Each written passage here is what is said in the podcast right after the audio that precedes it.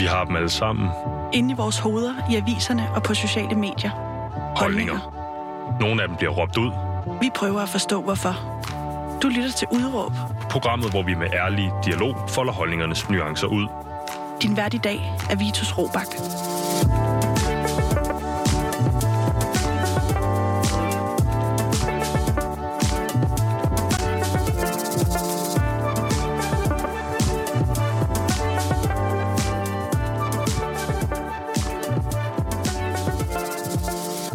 Goddag og velkommen til programmet Udråb her på Loud, som i dag skal handle om The Academy Awards, måske bedre kendt som The Oscars. Det er i hvert fald verdens mest prestigefyldte prisuddeling, og det har dagens gæst en holdning til. Han er kulturredaktør på netmediet 180grader.dk. Han er tidligere valg- valganalytiker her i programmet, øh, og desuden også tidligere øh, Danmarksmester i vægtløftning. En slags moderne, menneskelig svejserkniv. Velkommen til dig, Jesper Vogelius. ja, tak for det. Tak, Vitus.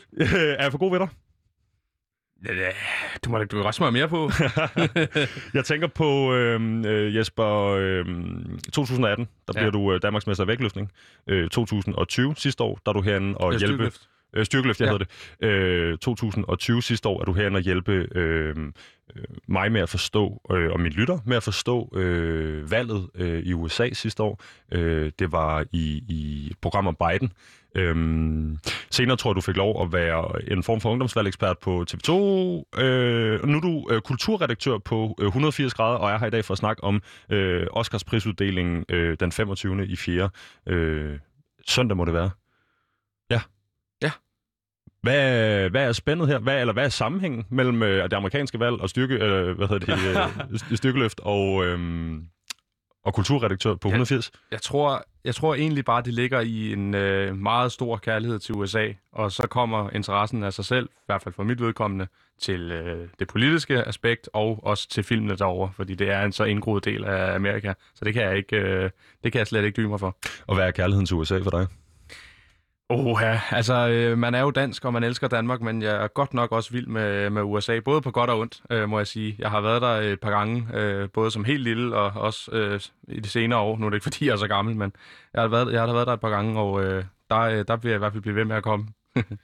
Ja, jeg vil sige, øh, jeg nyder også godt af det. Jeg nyder øh, i, i, især godt af den her, øh, den her følelse af, at der er et eller andet sted, der er et eller andet land i verden, der er lidt vildere, øh, hvor det bliver, øh, det bliver, det er lidt større, det er lidt mere, mm. øh, der er lidt mere glimmer, der er lidt mere glitter. Mm. Mm. Så kan man snakke om, hvordan resten af deres samfund hænger sammen i et Ja, andet program. Klart, Øhm, klart. men, men, men når det kommer til sådan nogle aftener som øh, på søndag, øh, så bliver det jo nærmest ikke større, tænker jeg. Nå, men det er jo det, der er med USA, fordi det er, det er så for meget, kan man sige. Det er, øh, det er så for meget på en eller anden måde. Og det, og, og det, det er det, der er så fascinerende ved landet, at, at man, øh, man bliver bare hugt øh, på godt dansk, ikke? Af, USA, fordi der er bare ikke en, en øh, efterligner. Øh, jo, Storbritannien har er der også et, et smukt land, men der er bare noget helt særligt ved USA. Det, det føles som om, øh, for mig i hvert fald, at øh, Storbritannien ikke altid føles lige så stor, øh, lige, så, lige så voldsomt. Det er jo klart, det er det heller ikke. Men Jesper, hvad hedder det? øh, Noget andet, øh, jeg lige får nævnt her, det er, at du er blevet kulturredaktør på 180 grader. Øh, Ja. for, for lytterne derude, der ikke ved, hvad, hvad 180 er, øh, hvad er det for en størrelse? Jamen, det er et øh, netmedie, som øh, sådan set siden det blev lanceret af, øh, jeg tror det var Ole Birk Olsen, der stiftede det i sin tid. Øh, ham vil folk måske kende som øh, folketingsmedlem for Liberal Alliance, der mest har baseret sig på politiske analyser, politiske indlæg og også med politiske ståsteder. Men det skal jeg jo ikke blande mig i, når jeg er kulturredaktør. Så jeg fik øh, overtalt den nye chefredaktør, Lars Bjørknes, om, om vi ikke skulle få oprettet en kulturafdeling. Øh, for så vil jeg da gerne stå for den. Og øh, den var han så med på. Så, øh, så det er mig, der øh, man skal skrive til, hvis man har et input. Hvis man sidder derude med noget øh, kulturinput, Ja, så, er det det, øh, så er det Jesper, man skal skrive til Jesper. øh, eller også, siger min producer øh, her på Udråb, vi kan, øh, vi kan dele lidt, hvis det er. ja, ja. Jesper, øhm, øh, øh, i de her dage, øh, der løber øh, Copenhagen Dog Show også af stablen. Øh, hvor, er dit, øh, hvor er dit hjerte henne? Er det på øh, kortfilmene i København, eller er det på øh, prisuddelingen på søndag? Jeg, det, jeg, jeg var simpelthen, jeg får ikke fuldt så helt vildt meget med i, øh, i de kortfilm. Jeg ved, at, øh, hvad hedder hun, øh, der er en dansker, der er nomineret til en Oscar øh, for bedste kortfilm. Jeg kan simpelthen ikke huske hendes navn. lige nu. Lund hedder hun til efternavn. Det er virkelig dårligt, jeg ikke kan huske det. Det finder Men øh, Oscar Isaac i, øh, i hovedrollen. Øh, hun kunne godt hun kunne faktisk godt gå hen og vinde, og det kan vi jo tale øh, mere om, men øh, det er en 30 minutters film, som blev skudt på fem dage eller sådan noget. Øh, Elvira Lund? Ja, lige netop, ja. Elvira Lund. Og, øh, og det er jo spændende øh, at se, hvor, om, om hun kan løbe med den. Det vil i så fald være, hvis ikke den første gang, så en af de første gange. Og hvad siger du, skudt på fem dage?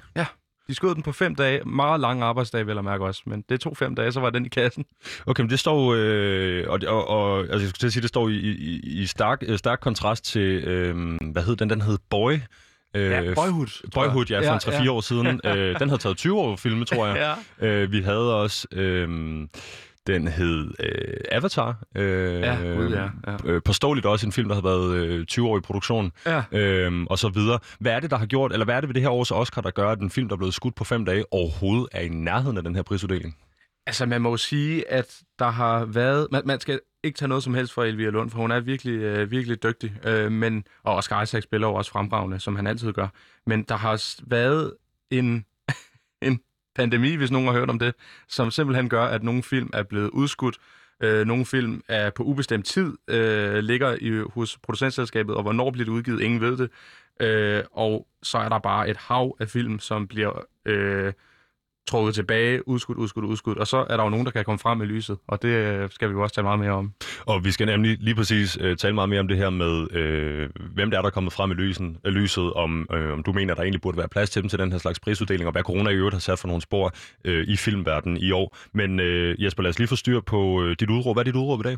Aldrig mere corona, Oscar. Aldrig mere corona, Oscar. Ja. Øh, hvad mener du med det? Jamen det, jeg mener med det, det er, at jeg er jo... Øh, jeg har en stor kærlighed til øh, The Academy Awards, til Oscars, og har fulgt det i ja, mange, mange år. Næsten så længe, jeg kan huske. Fordi jeg synes virkelig, det er interessant at se de her mesterværker, hvis man må kalde dem det, dyst med hinanden om, hvem tager den endelige øh, pris og så videre, og så er der hype, øh, er det mon den her, der vinder, og sådan noget. Nej, det er det ikke.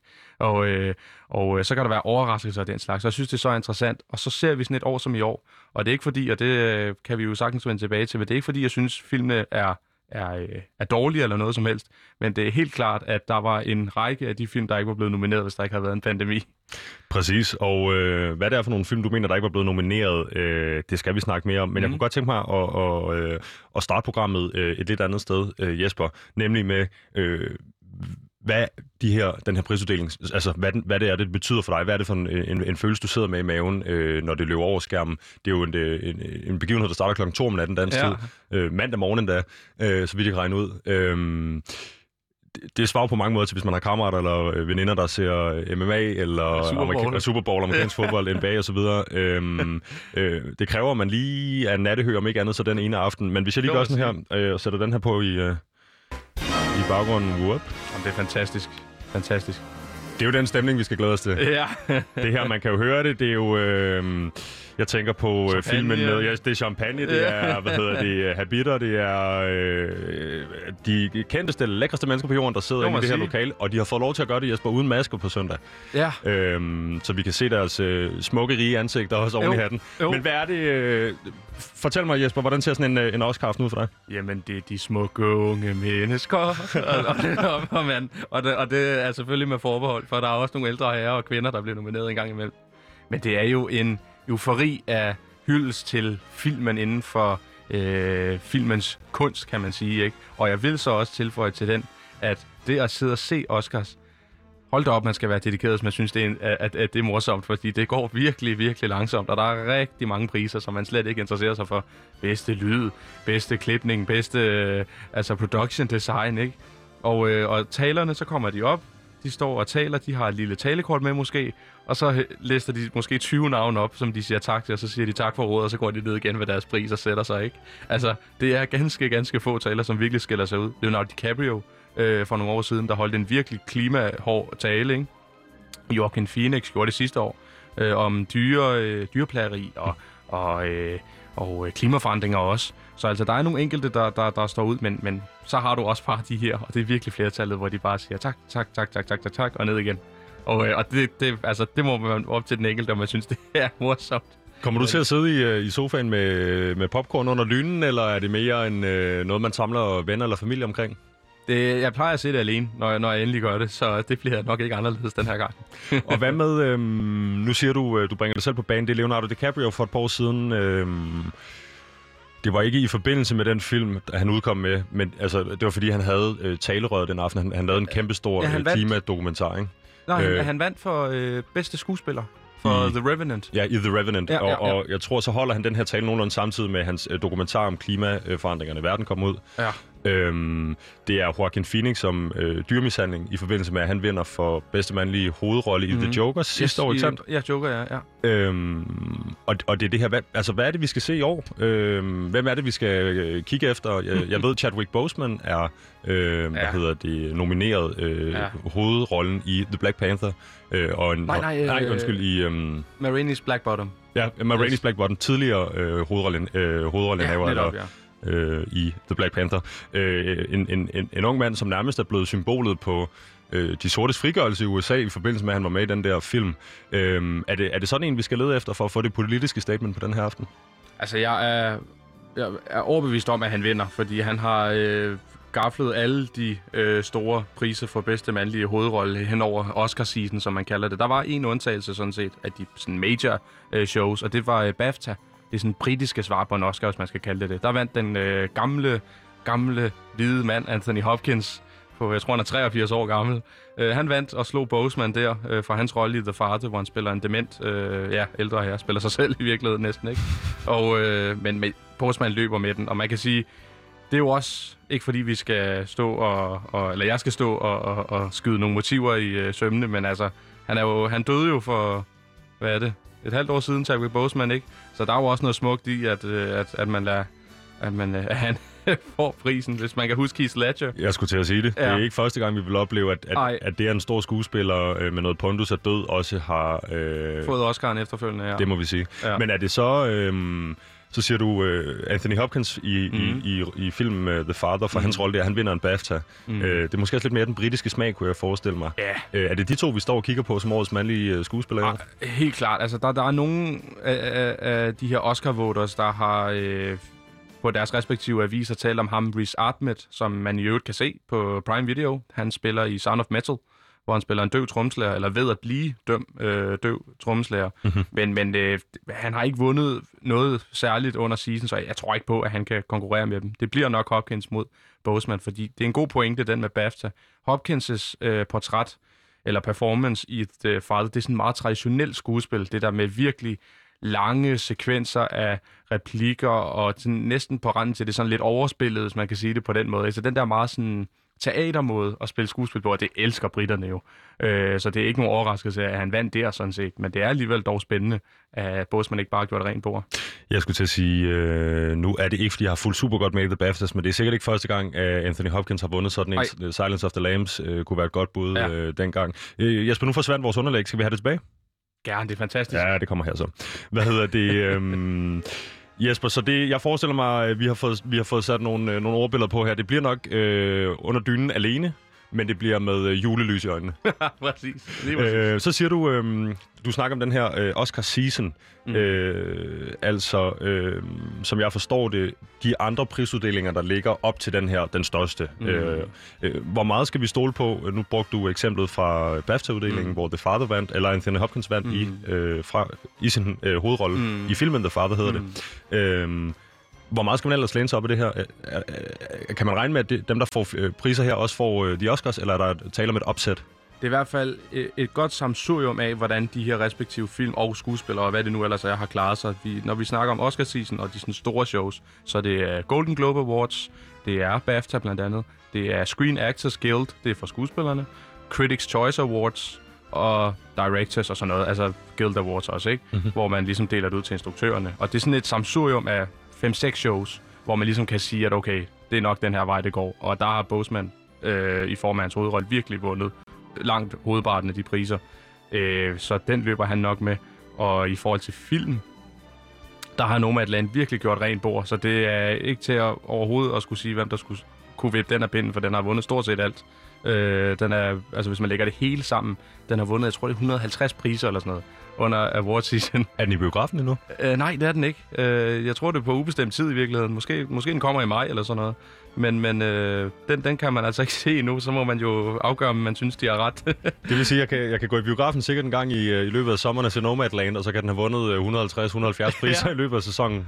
uden at nogen har set den i virkeligheden. Ja. Altså, jeg var det bare faktisk bare anmelder i virkeligheden. Ja, ja, ja. øhm, jamen, øh, Jesper, lad os, da, lad os da hoppe ind i det, fordi ja. øhm, de fire film, man måtte se øh, som anmelder, ja. eventuelt som kulturredaktør på 180, øh, det er Judas and the Black Messiah, Mm. det er Trial of the Chicago 7, så er det en film, der hedder Mank, og en film, der hedder Sound of Metal. Yes. Øh, dem, der ikke er ude nu, så at sige, Mm. det er altså den her, vi har snakket om med Anthony Hopkins, The Father.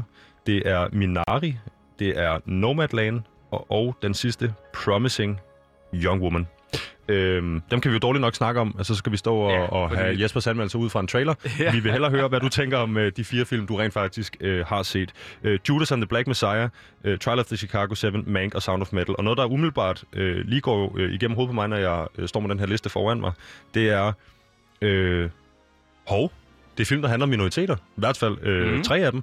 Øhm, kan, vi, kan vi starte med at sige noget overordnet om, hvad er det for nogle, øh, hvad er det for, hvad er det for nogle, øh, hvad hedder det, hvis vi kigger på øh, temaerne og emnerne i de her film? Mm. Hvad er det, der er anderledes i år? Altså, den store øh, skillelinje, kan man sige, det er, øh, at The Trial of Chicago 7, den var nok unægteligt blevet nomineret, selvom der øh, ikke havde været corona, fordi det er, øh, altså, det tror jeg måske nok er en af de dyreste film i feltet, og det er Netflix produceret. Det er med Aaron Sorkin, det er med Sacha Baron Cohen, Eddie Redmayne. Der er virkelig nogle store navne ind, øh, ind over den film. Og, øh, og den får hele armen, skal jeg hilse at sige, hvis man, øh, hvis man ser den med et kæmpe courtroom-sal. Øh, og så har du Mank også, som virkelig er en ener. Altså hele filmen er i sort-hvid, og den skulle forestille at foregå, jeg tror det er 40'erne. Øh, om øh, den berømte Orson Welles. Altså, så du har de her to, som jeg gerne vil adskille lidt, fordi de var nok blevet nomineret alligevel, selvom pe- personligt synes jeg ikke, Mank var nogen stor filmoplevelse overhovedet. Det, jeg, vil, jeg, vil, jeg vil gerne anbefale den, fordi den er så unik. Men jeg, jeg synes personligt ikke, der var noget særligt. Var den for arthouse-agtig? Jamen, det er sjovt, fordi jeg, jeg synes egentlig, at det kunstneriske udtryk egentlig er meget fint, og det, det sætter mig i og for sig ikke af. Jeg synes bare, at den ikke rigtig har nogen eksistensberettigelse forstået på den måde, at hvis man har set øh, den helt gamle øh, Citizen Kane-film, øh, hvad skal man så se den her for? Altså, det, det er mere det, der er mit, øh, mit, øh, mit spørgsmål og øh, min problematik over for den her film. Men man, man kan jo sætte sig ned og prøve, hvis, hvis det er noget for en. Jeg, jeg er sikker på, der er rigtig mange, den ikke er noget for, fordi nogen vil synes, det er for overspillet, nogen vil synes, der sker for lidt, nogen vil synes, der, det, det er for meget, og så videre, og så ender den et dumt sted. Men øh, så har du Sound of Metal, som man i øvrigt kan se på Amazon. Øh, og så har du Judas and the Black Messiah, man faktisk lige nu kan se ind på Blockbuster. Og øh, der er Sound of Metal en af de film, som jeg personligt tror ville være blevet overset, hvis ikke der havde været en pandemi. For det første, den har kostet 0 og niks at lave. Det er stort set Reese Artmans løn i virkeligheden, der, der, der, der dækker den her films budget. Altså, det, det er virkelig det er ukendte navn, Mhm. og så har man ellers Artmet. Øh, og jeg tror, det er det 10 scener, måske, måske endda mere end det, hvor der slet ikke er noget lyd, altså fordi at øh, det handler jo om den her døve trommeslager, så man skal prøve at komme ind i hans øh, verden, kan man sige. Så der er adskillige scener, hvor, hvor man ikke, heller ikke som seer kan høre, hvad der foregår. Men hvis jeg lige hurtigt pauser dig, Jesper. Ja, ja. Øh, fordi, øh, som jeg hørte dig sige det, så er der altså tale om nogle film her, der aldrig var noget noget ind til no- øh, nomineringerne på, øh, på grund af små budgetter, på grund af, af, af, Ja. af, af måske lidt mere artsy øh, tilgang, noget mindre klassisk blockbuster-agtigt, øh, hører dig sige. Den her Sound of Metal, hvis vi lige skal, hvis vi lige skal prøve at forstå en, øh, en forståelse for lytteren derude, der mm. øh, måske ikke engang har set en trailer endnu. mm. Hvad er den her film, Sound of Metal? Hvad handler den om? Den handler om, øh, om øh, en trommeslager, som langsomt er ved at miste øh, hørelsen. Og øh, i starten, der er han helt øh, fra den, og, og, kan slet, og kan slet ikke finde ud af, hvad, hvad, skal han dog gøre af sig selv, fordi han kan jo ikke høre, han har en kæreste, som han kan ikke forstå, hvad hun siger halvdelen af tiden, fordi så skal han sidde og prøve at aflæse lidt hendes læber, og så kan han sådan lidt høre det, øh, fordi hans hørelse er virkelig nedsat og sådan noget der. Og det er i og for sig også rørende, og jeg synes også, det er en god, rigtig god film i virkeligheden. Men den er så lille, kan man sige, inden for, øh, jeg står og laver gods, øh, godstegn, inden, inden for, øh, den, inden for øh, branchen, øh, i form af, hvem der står bag kameraet. Altså, man kender stort set ingen, der har haft noget med den her film at gøre. Mm. Det, det er virkelig tæt på newcomers i virkeligheden. Og, øh, og der er ikke lagt nogen penge i den, altså, så det vil sige selve Oscar-kampagnen, som det hedder. Det vil sige marketing, og det vil sige reklamer rundt omkring osv. Det, vil, det har den slet ikke øh, kapacitet til overhovedet, så den vil være blevet fuldstændig kørt over. Der er simpelthen Øh, ikke nogen franchise omkring den. Nej, over, heller ikke det, nej. Altså, så der vil slet ikke være noget, altså, der kunne få den til at sige, åh, okay, øh, den skal jeg da lige klikke på. Altså, det er næsten, man skal næsten søge efter den, hvis man skal vide, at den eksisterer, ikke? Og, og hvad siger du? En, en, en, en ung, øh, en ung trommeslager spillet af Ja. Riz Ahmed. Øhm, er det en kærlighedsfortælling? Øh, man kunne godt tro, det starter sådan, men det er faktisk en fortælling om at acceptere sin tilstand, hvordan den nu end måtte være. Øh, og i det her tilfælde, der er det så at være døv, øh, hvilket er smukt, fordi det ser man ikke særlig tit på film.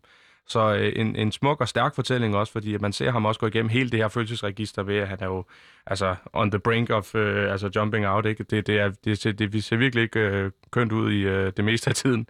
Men øh, det er, det, det er, det er en, øh, en, en fortælling om at acceptere sig selv. Og Jesper, øh, på øh, den komparative analyse her. For ikke særlig mange år siden, så kom der en film ud, der hed Whiplash, ja, om en, ja for delen en, øh, en hvid dude, der vil til tops Yes. i, øh, som trommeslager i, Ja. i det her meget, meget, meget kompetitive øh, musikmiljø i New York. Øhm, fantastisk film. Helt vildt. Kæmpe anbefaling Ja, herfra. helt vildt. Ja, helt vildt. Nu er der så en nomineret film. Jeg kan ikke huske, hvordan den gik. Jeg tror, den vandt en del pris. Var i hvert fald nomineret over hele linjen Whiplash. Det var Øh, den, ja. Selvfølgelig både i Og, øh, og J.K. Simmons. Ja. Fuldstændig amazing. Best Supporting Role, tror jeg. Ja. Øh, fantastisk. Øhm, nu er det Riz Ahmed, en, en, en, en øh, mand af mellemøstlig baggrund, i hovedrollen som en trommeslager, der øh, mister hørelsen undervejs.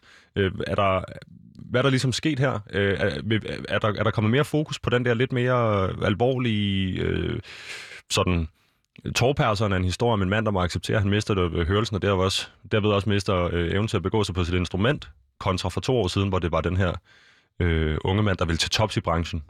Er der sket et skifte? Altså, man kan være...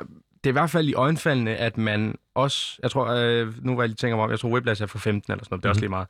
Men, men at man med så relativt kort mellemrum i virkeligheden, giver så stor øh, applaus til film, der handler om trommeslager. Det er egentlig meget sjovt. Øh, men de handler... Men de er i og for sig også meget, meget forskellige, fordi hvor Whiplash er sådan en meget hård, kynisk film om, øh, hvad kræver det at nå til tops, ikke? så er den her, jeg, jeg ser egentlig Sound of Metal mere som sådan en døvefilm, altså en, øh, en hyldest til the deaf community, fordi hvis jeg lige må nævne øh, birollen, Paul Radzi, tror jeg han hedder, der er også nomineret til en Oscar. Han, er, han arbejder faktisk inden for deaf community, og er jo et, ikke rigtig skuespiller i virkeligheden, men man hørte ham, fordi han kunne tegnsprog, han kunne læse læber og sådan noget der, så han kunne gøre det meget autentisk, og det synes jeg, Akademiet jo tydeligvis også, og derfor har de nomineret ham. Så jeg ser det mere som, øh, som sådan en deaf community-film, end, mm. en, en, en, en egentlig øh, nå-til-toppen-film. Så vi sige, det er den første Deaf Community-film, der er nomineret til en Oscar? Altså igen, med, med respekt for øh, en, en eller anden community i samfundet, der er udfordret eller har det svært på den ene eller den anden måde. I hvert fald den klart mest øh, autentiske af nogensinde, helt sikkert. Bestemt. Jesper, lad os hoppe, øh, hoppe videre i, øh, i rækken Judas and the Black Messiah. Yes. Hvad er det for en film, der er tale om her? Det, der er tale om uh, Fred Hampton, som nogen måske kender. Uh, en 21-årig Black Panther-mand, som uh, blev, ja, apropos Black Panther, men, men det var en anden sammenhæng, der blev myrdet tilbage i, jeg tror det var 68, uh, for hans ja, uprising mod uh, systemet. Uh, han var øh, leninist, øh, troede på en kæmpe stat, der skulle omfavne alle, det vil sige selvfølgelig de sorte, fordi det, det er en meget længere historie, men i 60'erne, der var det virkelig, virkelig ikke nemt, at, og, og før det selvfølgelig, at være, at være sort i USA. Så, så det er en film om, om den der kamp mod øh, korruption, mod racismen i USA. Og, øh, og der følger man ham og øh, Lakeith Stanfield, som spiller en infiltrator. Hvad hedder det på dansk? Det hedder en, en, øh, en der Mm. kommer fra, han, han kommer fra politiet og skal ind Jeg kan kun andre engelske ord. En, en, en mole. En muldvarpe. Ja, det er godt nok skidt. Ja, muldvarp, det Ja. kan vi godt sige. Ja, snitch, øh, det var også engelsk. Yes. Men en, en der øh, kommer udefra og skal prøve at hente informationer til politiet, hvad der foregår i det her Black Panther Party. Og jeg, jeg vil faktisk helt klart øh, anbefale den, fordi det er virkelig øh, solidt håndværk.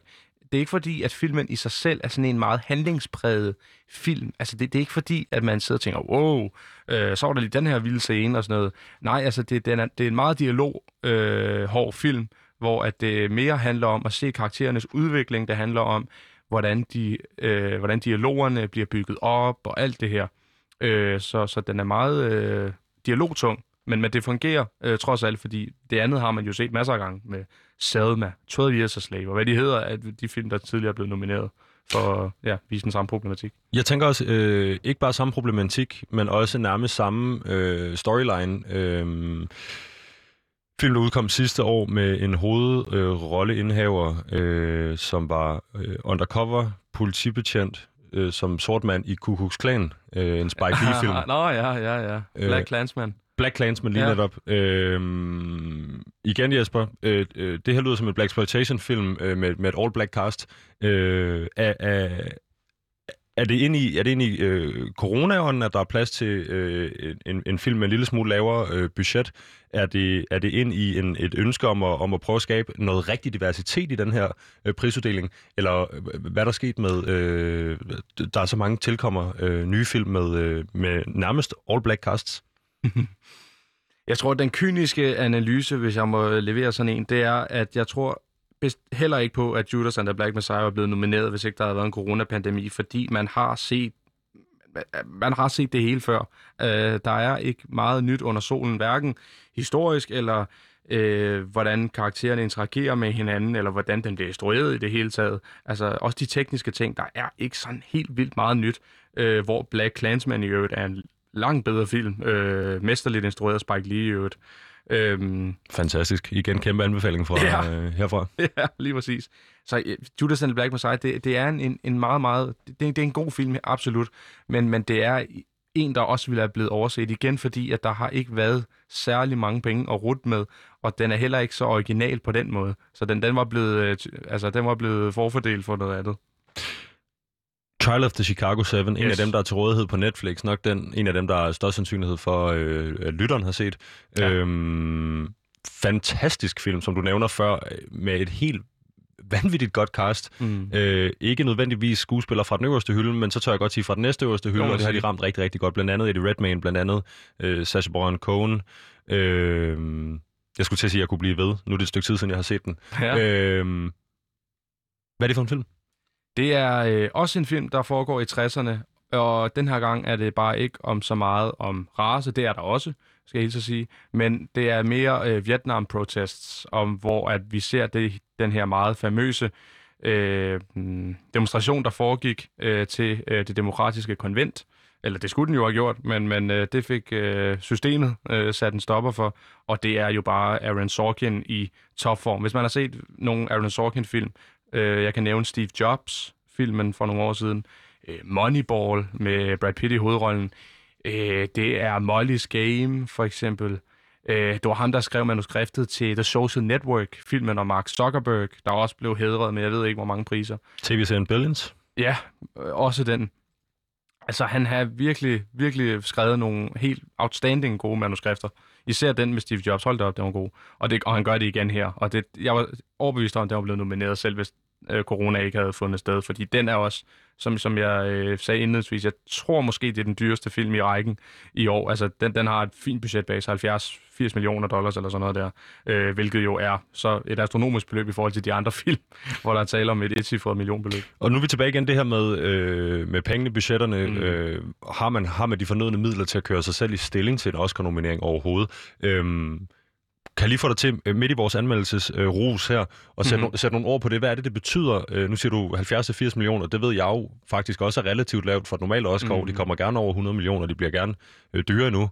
Øhm, hvad er det, det vil sige det her med, med altså, øh, skulle det ikke gerne være sådan, at den, der laver den bedste film, er den, der står, jo. altså ligesom er den, der kan vinde, og uafhængigt af, hvad den har kostet at lave? Præcis, og det er jo det, er jo det der øh, også er det paradoxale ved Oscars, fordi nu sagde jeg jo også, at jeg synes, at det er den, hvor det er den award, øh, det, er det, det er det show, hvor at man hylder det bedste af det bedste, men det er jo også en lidt flersidet øh, diskussion, fordi så er der jo film, der netop ikke kommer frem så meget i lyset i hvert fald, fordi de ikke koster så meget at lave, men, men det er jo fordi, at de har ikke øh, for, de har ikke rådbeløbet til at køre sig i stilling på samme måde under selve den her kampagne, der blev indledt med branding, med marketing, med reklamer rundt omkring, små trailerbider, som kommer på YouTube og sådan noget. Legetøj McDonald's-menuer.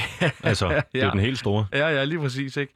Og, altså, og, og, og, når der ikke er så mange der, og så kommer folk ikke ind i biografen og ser den, og så bliver den sådan lidt overset, og så får Oscar Voters lige ikke lige nævnt den, når de skal sidde og stemme, ikke? Selvfølgelig, der er undtagelser. Vi nævnte jo selv Whiplash før. Det er en klar undtagelse på en, et mesterværk, som faktisk heller ikke kostede specielt meget at lave. Mm-hmm. Øh, og øh, det er en vild historie i sig selv med den. Men, men det, er, det er jo synd også, kan man sige, fordi jeg, der er unægtelige film, der er blevet overset gennem, øh, gennem tiderne, men jeg synes alligevel, at de formår at få det bedste med, trods alt. Hvor står du? Vil du hellere se de her øh, øh, i danske kroner milliardfilm, øh, hvor du er garanteret, at det er instruktør fra den øverste hylde, det er manusforfatter fra den øverste hylde, det er klipper, det er sound, da, da, da, da, da, da, da. Mm. det er alle sammen de bedste af de bedste, Mm. bedste skuespillere. Er det det, du helst vil have?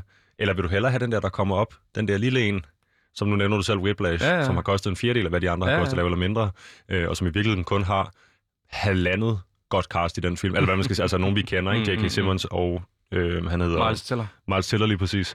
Øhm, hvor, hvor læner du hen? Er det den der, at du ved, øh, Leicester City FC øh, øh, Ja. historien, du gerne vil have med den, med den lille, der kommer til tops, eller er det bare fedest at holde fast i øh, Hollywood, når det er allerbedst? Jeg øh, lægger mig nok et eller andet sted midt imellem, hvor jeg bare vægter kvalitet absolut højst, fordi nu nævnte vi jo også tidligere, vi nævnte for eksempel Boyhood. Det er jo også en helt vild film, og den kostede, jeg tror det var 10 millioner at lave eller sådan noget der. Og selvom det godt kan lyde af dollars, selvom det godt kan lyde så mange penge for mennesker, så er det ingenting i, øh, i øh, Oscar-regi. Absolut ingenting. Så altså, det er et, et eller andet sted midt imellem, fordi selvfølgelig, når du har en, hvis jeg må nævne Christopher Nolan for eksempel, altså han, der, han får bare udskrevet en check, hvor, øh, hvor de spørger, hvor meget skal du bruge? Så siger han måske to, øh, 300 millioner. Ja, ja, fint nok. Øh, vi troede, du ville sige fem. Altså, det er ligesom Altså, det er Warner Bros., der skriver kær- kærlig hilsen Warner Bros. på checken, uden at Ja. forholde sig til, hvor meget han så selv skriver ind. Det er blank, en blanko check, så at sige. ikke?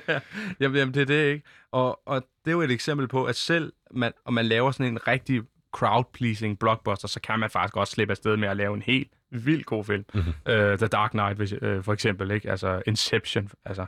Det er, det er vildt, hvad han har lavet, trods at man har sådan lidt... Man taler, altså i Oscar-regi, man, man er jo ikke så sød ved de der rigtig, rigtig tunge... Altså, Pirates of the Caribbean, aldrig nogensinde, vel, mm-hmm. for bedste film. Avengers-filmene, der er Black Panther den eneste undtagelse, og det er så også blevet kritiseret hæftigt, skal jeg hilse at sige, at den overhovedet blev nomineret for bedste film i sin tid.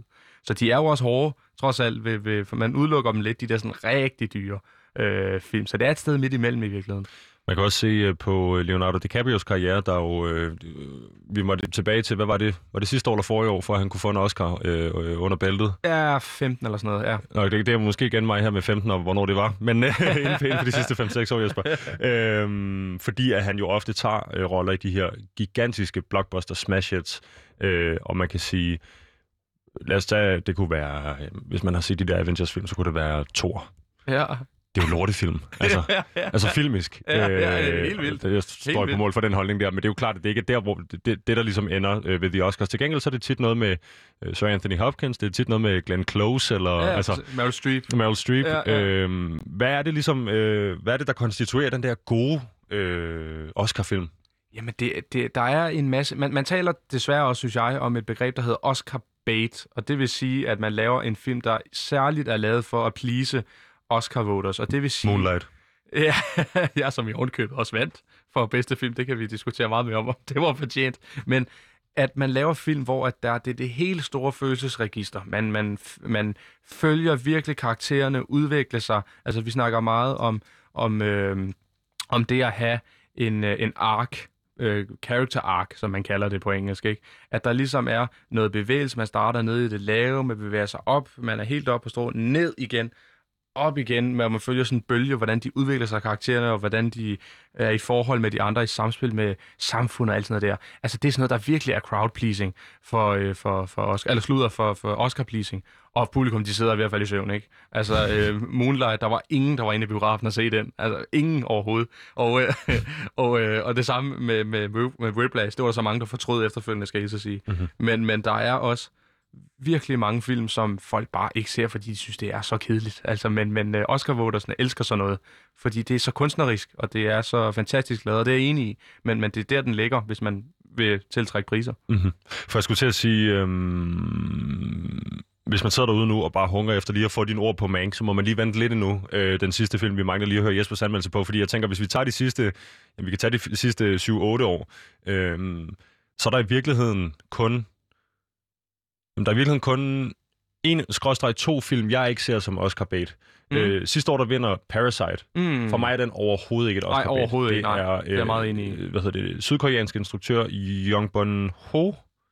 Pong John Ho eller sådan noget, ja. Den skal jeg nok jeg lige tror, øh, det få er udtalt som P, faktisk. øh, ja. Bong Joon-ho, som øh, laver den her fuldstændig fantastiske øh, film, Ja, helt vildt. øh, Parasite, og, og det er jo så i øvrigt første gang i Oscars historie, øh, på daværende tidspunkt 92 år lang historie, Ja. at det er en, en fremmed film, der vinder for Best Ja. Picture.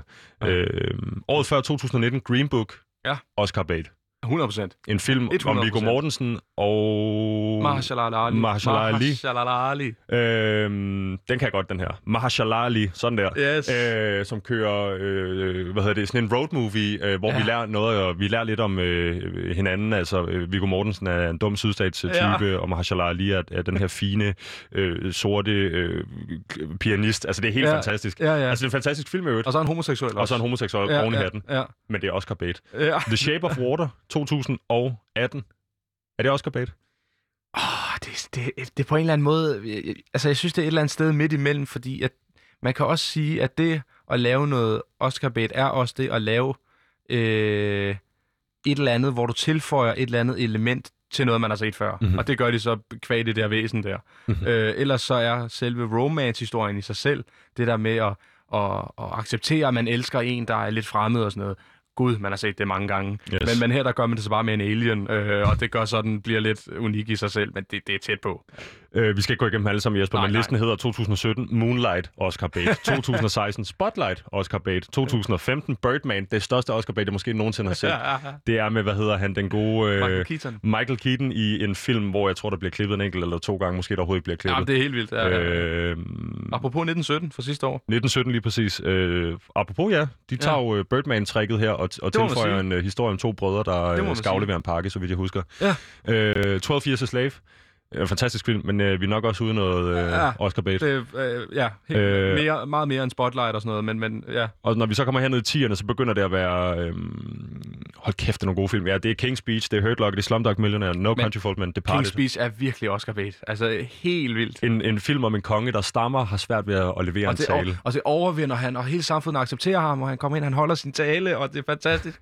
Men man, det er jo så frygteligt, ikke, at man sidder næsten og glider sig i ham. Men det, han, det, er jo en øh, god film, men, men hold da op. Ham talepædagogen, er det Jeffrey Wright, tror jeg. Jeffrey... Oh, spiller helt fantastisk. Jeffrey Rush. Jeffrey Rush, ja, spiller Ja. fuldstændig fantastisk i den film. Øhm, Ja, det gør han. Oscar bait. Hvad med i år?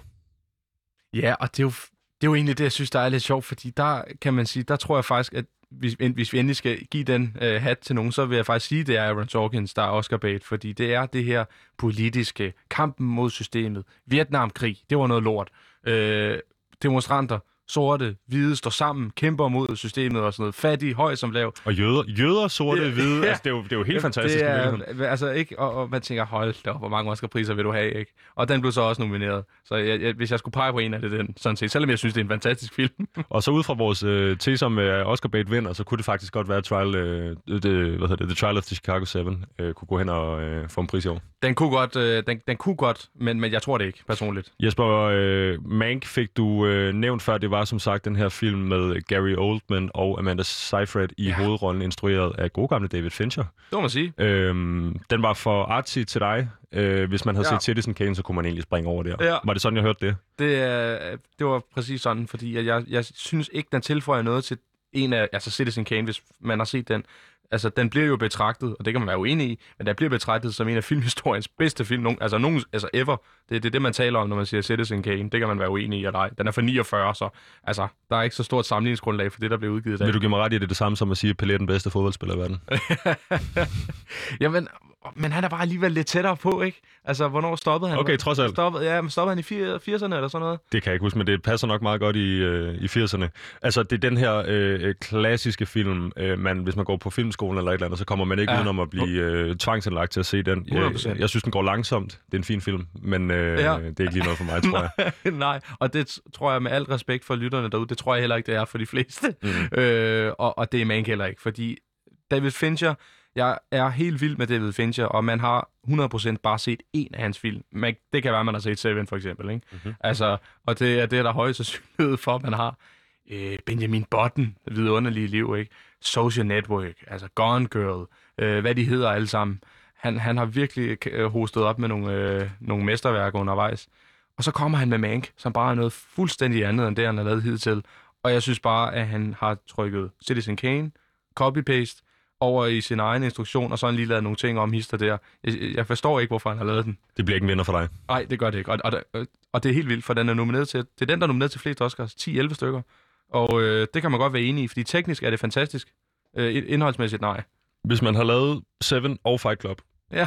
og The Social Network, eller hvad det var for ja, en, ja. øhm, så kunne det være, at man nærmest bare får lov at blive nomineret. Ja, fordi det er man er det. så fantastisk en Jamen, instruktør. Og, og det er jo netop det, som, øh, som Oscar Akademiet også er blevet øh, anklaget for mange gange. Netop det her med at genbruge de samme white, whitewashing. Man lader ikke nye komme til, man lader ikke minoriteter komme til.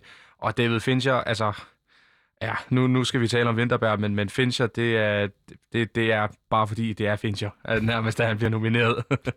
Øh, vi skal nemlig, øh, Jesper, tale om Winterberg, fordi øh, vi snakkede sammen øh, i telefonen inden det her program, og øh, til min store overraskelse, så mener du ikke, at Winterberg overhovedet skulle være nomineret. Han er nomineret som øh, bedste instruktør for Ja. ja. filmen øh, Druk øh, med den engelske titel Ja. Another Round. yes. Øh, jeg tør næsten godt sige, den har du set, hvis du sidder derude og lytter, fordi den havde alle danskere set. Jeg kan ikke huske, om det var en million eller halvanden. Altså, den rev vanvittige seertal i biograferne. Øh, endnu en gang har vi en dansk øh, instruktør på det. Jeg plejer at være Susanne Bier. Øh, men i den her kategori. Hvorfor er det ikke... Øh, hvorfor hører Thomas Winterberg ikke til, øh, til den her prisuddeling i den kategori? Ja, altså, jeg, jeg, må, jeg må starte med at sige, at Thomas Winterberg er, øh, hvis ikke den bedste danske instruktør, så i hvert fald en af dem. Øh, det er jo film som Festen, det er Jagten osv.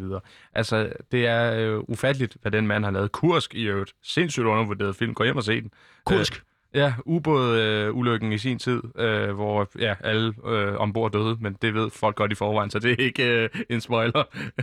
det er en historisk begivenhed. Men dr- øh, Druk eller Another Round, altså det er en, en, en helt igennem øh, fantastisk film, og den vinder også Oscar'en for bedste ikke engelsksproget film, som den er nomineret i.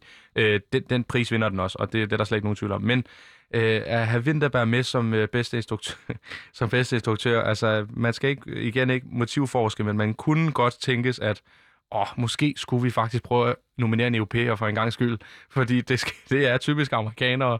Og så var der lige, som du nævnte, Pong John Ho, der var fra Asien, Sydkorea, tror jeg. Mhm. Der er også løb med prisen sidste år, og nu prøver man lidt at gøre kunsten efter. Skal vi lige... Ja, vi, vi, vi, tager, vi tager Vinterberg med. Fordi at jeg kan godt nævne nogle instruktører, som jeg synes skulle have taget øh, hans plads. Vi har snakket om uh, The Trial of the Chicago 7 i dag, Ja. Andrew Sorkin. Ja, det er mesterligt instrueret af, af ham. Altså, øh, ikke fordi jeg som sådan synes, han skulle vinde, men, men at man har valgt ham fra for at tage Vinterberg ind, det er alligevel en bedrift i sig selv. Så er der Regina King, som har instrueret øh, One Night in Miami. Øh, den ligger også øh, på Prime Video i øvrigt. Øh, og hvis man... Det kan godt være, at man ikke er til selve filmen, men man skal have respekt for, hvordan hun formår at give sådan en film liv, fordi stort set hele filmen foregår inde på et motelværelse. Altså, der, der, der, der, i princippet, der sker jo faktisk ikke rigtig noget. De, det er Malcolm X, det er øh, Jim Brown, det er Muhammad Ali, øh, det er den sidste, jeg ikke kan huske navnet på, det er virkelig dårligt, men der, der bare sidder og taler inde på et hotelværelse om alt muligt. Og, øh, og hun formår virkelig at give de, den samtale liv, og give de dialoger liv, så det bliver intenst, så man virkelig føler sig inde i, øh, i samtalen, og det kræver virkelig en instruktør at gøre det, hvor at, ja, altså hvor jeg tillader mig at sige, at det er lidt mere sådan basic, eller ikke basic, men det er mere øh, standardinstrueret, det Vinterberg gør med druk, hvor at det kræver øh, sindssyge skills at få liv i sådan en film, som Altså, og, og, og, og, og, genop, få Malcolm X til at genopstå, uden at det bliver utroværdigt, er jo en Også det. gigantisk bedrift i sig selv, som jeg ser det. Og Muhammad Ali i øvrigt også. Øh, og Muhammad Ali. Hvad Ja. hedder det, øh, Jesper? Øhm, for sådan en øh, Oscar-buff som dig, så vil du også vide, du ved, jeg ved, øh, ikke fordi jeg er Oscar-buff, men fordi jeg har sat mig ind i det, at der er... øh, det plejer at være sådan, at hvis du er nomineret for bedste instruktør, mm-hmm. så ligger din film også i Best Picture, altså Ja. bedste film i år. Ja. Øh, det sted, man må finde øh, Winterbergs Another Round, eller som vi kender den i Danmark, Druk, det er altså i bedste udenlandske film. Øh, er det for atypisk til dig? Nej, altså jeg hilser det egentlig velkommen, fordi hvis man har set Foxcatcher, måske, det er en film med Channing Tatum, så vil man vide, at der blev instruktøren også nomineret for en Oscar, hvor filmen ikke gjorde. Og det er faktisk, for, og det kan jeg, på det tidspunkt, der, da jeg så det, der kunne jeg sagtens forstå det, fordi at han, man skal virkelig forstå, hvordan han formår at, at sætte den liv i scene, eller den film i scene, selvom filmens indhold i sig selv ikke er stærk nok, fordi det var den øh, bestemt ikke. Men, men øh, der kan man godt adskille tingene, men normalt er det noget spøjst at, at sige, at, at filmen kan blive nomineret, eller slutter, at instruktøren kan, men filmen kan så ikke, fordi det, det følges jo ad. Altså, det er jo instruktøren, man siger jo altid, det er hans film, eller hendes film, eller alt det der imellem i øvrigt. Øhm, så det, det er meget spøjst, men, men, men altså, og jeg kan slet ikke forstå det den her gang, med, at man vælger vinterbær. Men øh, en af måderne, øh, man kunne forklare det på, og det er jo en, en sjov problematik i virkeligheden, problematik og problematik, men det er en sjov, en sjov lille ting, der opstår her, fordi øh, mange har været ude med den store rive efter Oscars i år for at øh, lave det, man vil kunne kalde øh, forceful, eller altså øh, øh, at putte diversitet ind øh, ikke på merit, men mm. på vilje. Mm. Og det er fordi den her øh, prisuddeling siden 2015, hvor det her hashtag, der hedder hashtag Oscars So White, startet af en aktivist, der hedder April Rain, øh, har været så udskældt for at være en, en prisuddeling for hvide øh, skuespillere, øh, renner og skuespillere, øh, og gerne også øh, i instruktørrollerne for eksempel, og i alle de her ledende roller, øh, hvide mænd. Mm det har det været enormt udskæld for med rette, kan man sige, fordi det giver jo yeah. øh, dårlig mening, at, at det kan hænge sådan sammen, at alle de bedste film altid har hvide skuespillere i sig. Det vil være meget, meget, meget, meget mærkeligt. Yeah. Øh, man kan selvfølgelig Klar. sige, at der ligger nogle, nogle andre ting tidligere i processen, der kunne fremme det, men øh, lige pludselig ser vi i år for første gang to øh, hvad hedder det, øh, minoritetskvinder i bedste instruktør. Vi ser en liste, der mm. hedder Riz Ahmed, Chadwick Boseman, Viola Davis, Regina King, Spike Lee, Steven Yeun, Yu Jun Jun og Chloe Zhao. Øh, alle sammen øh, folk nomineret i de øh, større kategorier. Øh, alle sammen øh, minoritetsskuespillere øh, eller instruktører, øh, lydfolk osv. Øh, Hvordan er det, Thomas Winterberg kommer til at passe mærkeligt ind i den her øh, øh, kritik af udvidet øh, diversitet, når han er en hvid mand? Ja, og det kan man jo spørge sig selv om, men det ligger jo i, tror jeg, at det er det, han er europæer, og så endda nordeuropæer, han er dansker.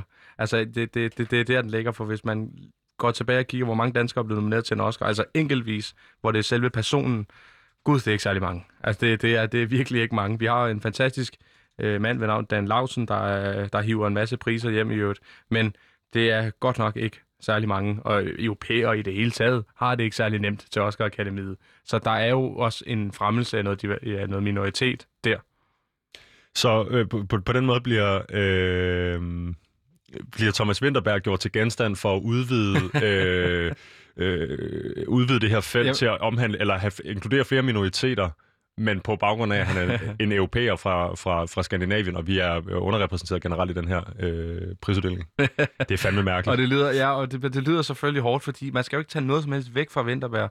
Han er en uh, fantastisk instruktør, glimrende, og øh, han har instrueret druk på fornemmeste vis. Det er en fantastisk film. Det er det, absolut. Men at skulle vælge ham foran henholdsvis Regina King og Aaron Sorkin, den følger jeg virkelig ikke. det må jeg, du, må jeg bare sige. Du køber den ikke. Øh, til gengæld, Jesper, så har det jo så været sådan, at øh, det er jo så den anden side af sagen, at øh, mindre produktionsselskaber med mindre budgetter, ja. øh, mindre kendte, øh, både manusforfatter, instruktører osv., øh, er noget længere, ligesom længere frem i år. Det må man sige. Du har øh, givet det den påtale, at det blandt andet er fordi, at de store blockbusters øh, er udblevet. Mm. Øh, dem gemmer produktionsselskaberne simpelthen til, at de kan få en, en, en bedre box office weekend øh, i, i løbet af i år, måske endda først næste år alt efter. Præcis. Øhm, kan man tale om, at coronaen har, har, har gjort det muligt for de her ærlige, rene filmskaber, der skaber film for filmens skyld og ikke for pengenes skyld, øh, og de er bedre til at bruge øh, minoritetspersoner i deres film? Jamen, det kan man godt sige. Også fordi, at der jo ikke... Når, når en film ikke har kostet jeg skulle til at sige noget, ikke noget at lave, det er virkelig let, så er der jo også, øh, så er der også det mindre på spil, kan man sige. Og, og der tør de jo gamble mere. De tør tage chancer med at kaste minoriteter, de tør tage chancer med at fremme de døve, fremme de fattige på en meget mere autentisk måde, netop fordi der ikke er pengene øh, til at gøre det så grandiøst. Og når vi taler om, at coronapandemien har øh, været med til at udsætte film, kan man sige, og det lyder selvfølgelig meget karikeret at sige, at de har været med til, de kunne jo bare udgive dem alligevel. Men det er fordi produktionsselskaberne vægter øh, indtjening højere, end at give øh, folket en god film. der har jeg jo øh, taget en liste med, bare så vi har noget at se frem til, Ja, tak. af hvilke film det ligesom kunne være. Og så vil jeg starte med at sige, øh, hvis man interesserer sig lidt for musicals, så ved man måske... Det gør jeg. Jeg har været på Broadway. ja, så kender man måske West Side Story, og den er blevet spillet på Broadway, jeg tror det er 10-11 gange eller et eller andet, altså Revival, ikke, som det hedder. Mhm. Virkelig, virkelig mange gange. Og den er også blevet filmatiseret før. Jeg tror, det var i 61, øh, hvor den også vandt Oscar'en for bedste film. Men den skulle have været udgivet sidste år i en ny filmatiseret udgave med selveste Steven Spielberg som filminstruktør. Og hvis man øh, kender, også nu vi snakket om det, hvis man kender Oscar øh, sådan nogenlunde godt, så ved man, at Steven Spielberg han er bare en Oscar-darling. Jamen, jeg skulle til at sige, så lad mig da lige gøre sådan her, øh, med at sætte vores øh, soundtrack tilbage på, så kan man sidde og lege med derude, hvor mange af de her øh, øh, themes, der er bygget ind i det her Oscar-soundtrack. Jeg kunne i hvert fald høre Indiana Jones før. Steven Spielberg. Han vinder dem. Han vinder dem hele tiden. Øh, he- hele tiden, hele tiden. Nej, han er i hvert fald nomineret hele tiden, ikke? Altså, det, øh, det, det er jo en uendelig liste, hvad den mand han har lavet. Men han havde West Side Story liggende.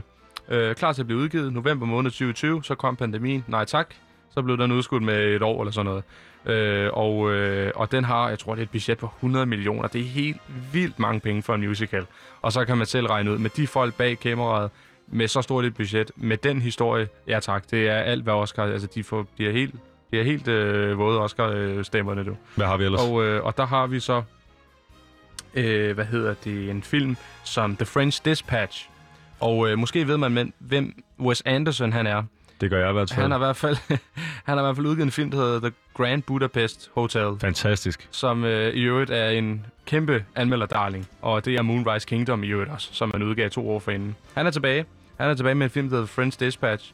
Og øh, hvis man bare tager sin telefon eller sin computer, googler rollelisten, altså, hvis man ikke genkender minimum to navne, så, så har man ikke set særlig mange film på, den påstand, for det er helt vildt, hvad han har fået lukket med i, øh, i hans film. Og det er fordi, de ved, at det er top-notch kvalitet, det han leverer. Mhm. Så har vi, men den blev også udskudt. Så har vi en film, som for eksempel, og nu kan det altså godt være, at jeg udtaler det forkert, men den hedder Dune, D-U-N-E. Øh, jeg ved ikke, om, øh, om man skal ikke trykke på en anden måde, men, men øh, det er øh, Denis Villeneuve, som han hedder, fransk filminstruktør, der har lavet en mega øh, film med et enormt budget, som vi talte om bag sig og i øvrigt også. Og øh, han er ikke bare sådan en øh, øh, Anthony Russo, der laver Avengers-film. Nej, altså det er blockbuster-film, men det er også virkelig høj kvalitet. Vi så det med Arrival for nogle år siden, der var en sci-fi om mødet mellem mennesker og rumvæsener. Øh, han har gjort det med Sicario. Altså, den her, den var, havde ikke under nogen omstændigheder været en undtagelse. Og der kan man også bare lige prøve at google en gang og se, hvem der er med i den. Det, er- det, og, men alle de her film, de blev udskudt, og, øh, og de kunne så sandelig have gjort sig gældende i, øh, i det her felt. Så vil jeg nævne en sidste, bare så jeg ikke står og lister film op øh, hele dagen lang. Jamen, jeg tager gerne en til. Så kunne jeg, ja, så kunne jeg nævne øh, King Richard i øvrigt. Og det kan godt være, at det ikke siger så mange noget, hvad det lige... Altså, fordi det er ikke Richard Løvehjerte, det handler om. Det handler om øh, Serena Williams' øh, far, han, øh, hendes øh, tennistræner. Og, øh, og den film i sig selv lyder som om, nå ja, okay. Men det er så Will Smith, der spiller øh, træneren. Okay. Og du har en meget acclaimed filminstruktør bag øh, kameraet, og så manuskriptet. Der er noget, der hedder øh, Oscar Blacklist, tror jeg det hedder, eller sådan noget Script Blacklist. Og selvom det godt kan lyde negativt, så er det en liste over de øh, manuskripter, som bliver betragtet som de bedste. Dem, som ikke er lavet endnu. Altså, det er for eksempel Kongens Store Tale, der har været der. The Social Network har lavet på den liste og sådan noget. Altså, det er en liste, man kan gå ind og tjekke med film, som ikke er blevet udgivet endnu, men som har stor sandsynlighed for at blive altså, mega succeser, når de så først bliver udgivet. Der Er har det- den befundet sig blandt andet. Er det fire titler, vi kommer til at se til næste års uddeling? Det øh, går jeg stærkt ud fra, ja. Jeg tænker også, at der må have været øh, mindre tryk på filmproduktionerne i løbet af det for, øh, sidste år, 2020, i, i, på en måde, der jo sikkert gør, at ja, det kan være, der er nogle film, der er bagget op, der ligger i, i, i køen. Øh, men det er vel også dem, der kommer til at være aktuelle, fordi man ikke har kunnet at producere samme fart. Mm. Jesper, vi skal da lige bede om øh, her på falderæbet, vi har blot to minutter tilbage. Mm. Årets bedste film. Hvad er dit bud? Hvem vinder? Det gør Nomadland. Det, øh, det kan der ikke øh, herske særlig meget tvivl om. Den har gaflet alle priser her under award season, og den tager også den her. Frances McDormand i øh, hovedrollen øh, Three Billboards Outside of Missouri, Ja, hvis man ja, kender ja. hende derfra. Hvis Yes. man, hun er en klassik, øh, hvad hedder de, Coen-brødrene skuespillerinde, Ja, det er hun, øh, Øh, op, ja. og er, øh, jamen, helt fantastisk. Den tror du på, Nomadland? Ja, det, det gør den. Den har ja. været god i sæsonen op til. Det gør den, og instruktøren vinder også. Chloe Zhao, hun tager for bedste instruktør ligeledes også. Det, der er ikke så meget hip som har. Jesper, øh, Hvad er du glæder dig mest til? Nu slukkede min, øh, min jingle der igen. Hvad er du glæder dig mest til på, øh, på søndag? Jeg er faktisk jeg er meget spændt på, hvem der vinder bedste skuespiller inden, fordi det synes jeg ikke, der er entydigt øh, bud på egentlig, hvem det burde være, fordi det har været sådan lidt i øst og vest. Altså, øh, BAFTA, der vandt Francis McDormand. Golden Globe, en helt anden. Øh, Critics' Choice, en helt tredje, og så videre. Altså, der har ikke været sådan et entydigt billede af, hvem det er, der faktisk vil løbe med den. Der er mange bud, og så videre. Men det, det bliver godt nok spændende øh, at se, hvem der, hvem der tager den. Og hvad med for dit eget vedkommende? Popcorn? Voldbestillinger? Hvad skal der ske? øh, og jeg har et meget lækkert pizzeria lige over for mig, så det bliver nok det her. Det bliver fantastisk. Jesper, tusind tak, fordi du vil komme ind og, og kaste lidt lys på den her øh, prisuddeling, der løber af stablen øh, mandag morgen dansk tid. Ja, selv tak. Øh, jeg håber, I er blevet klogere derude. Det er jeg i hvert fald. Jeg glæder mig super meget til at se, hvem der vinder. Jeg vil sige tusind tak, fordi I lyttede med. Dagens program er produceret af Rakkerpark Productions. Mit navn er Visus Robak, og dagens producer hedder Pauline Kloster.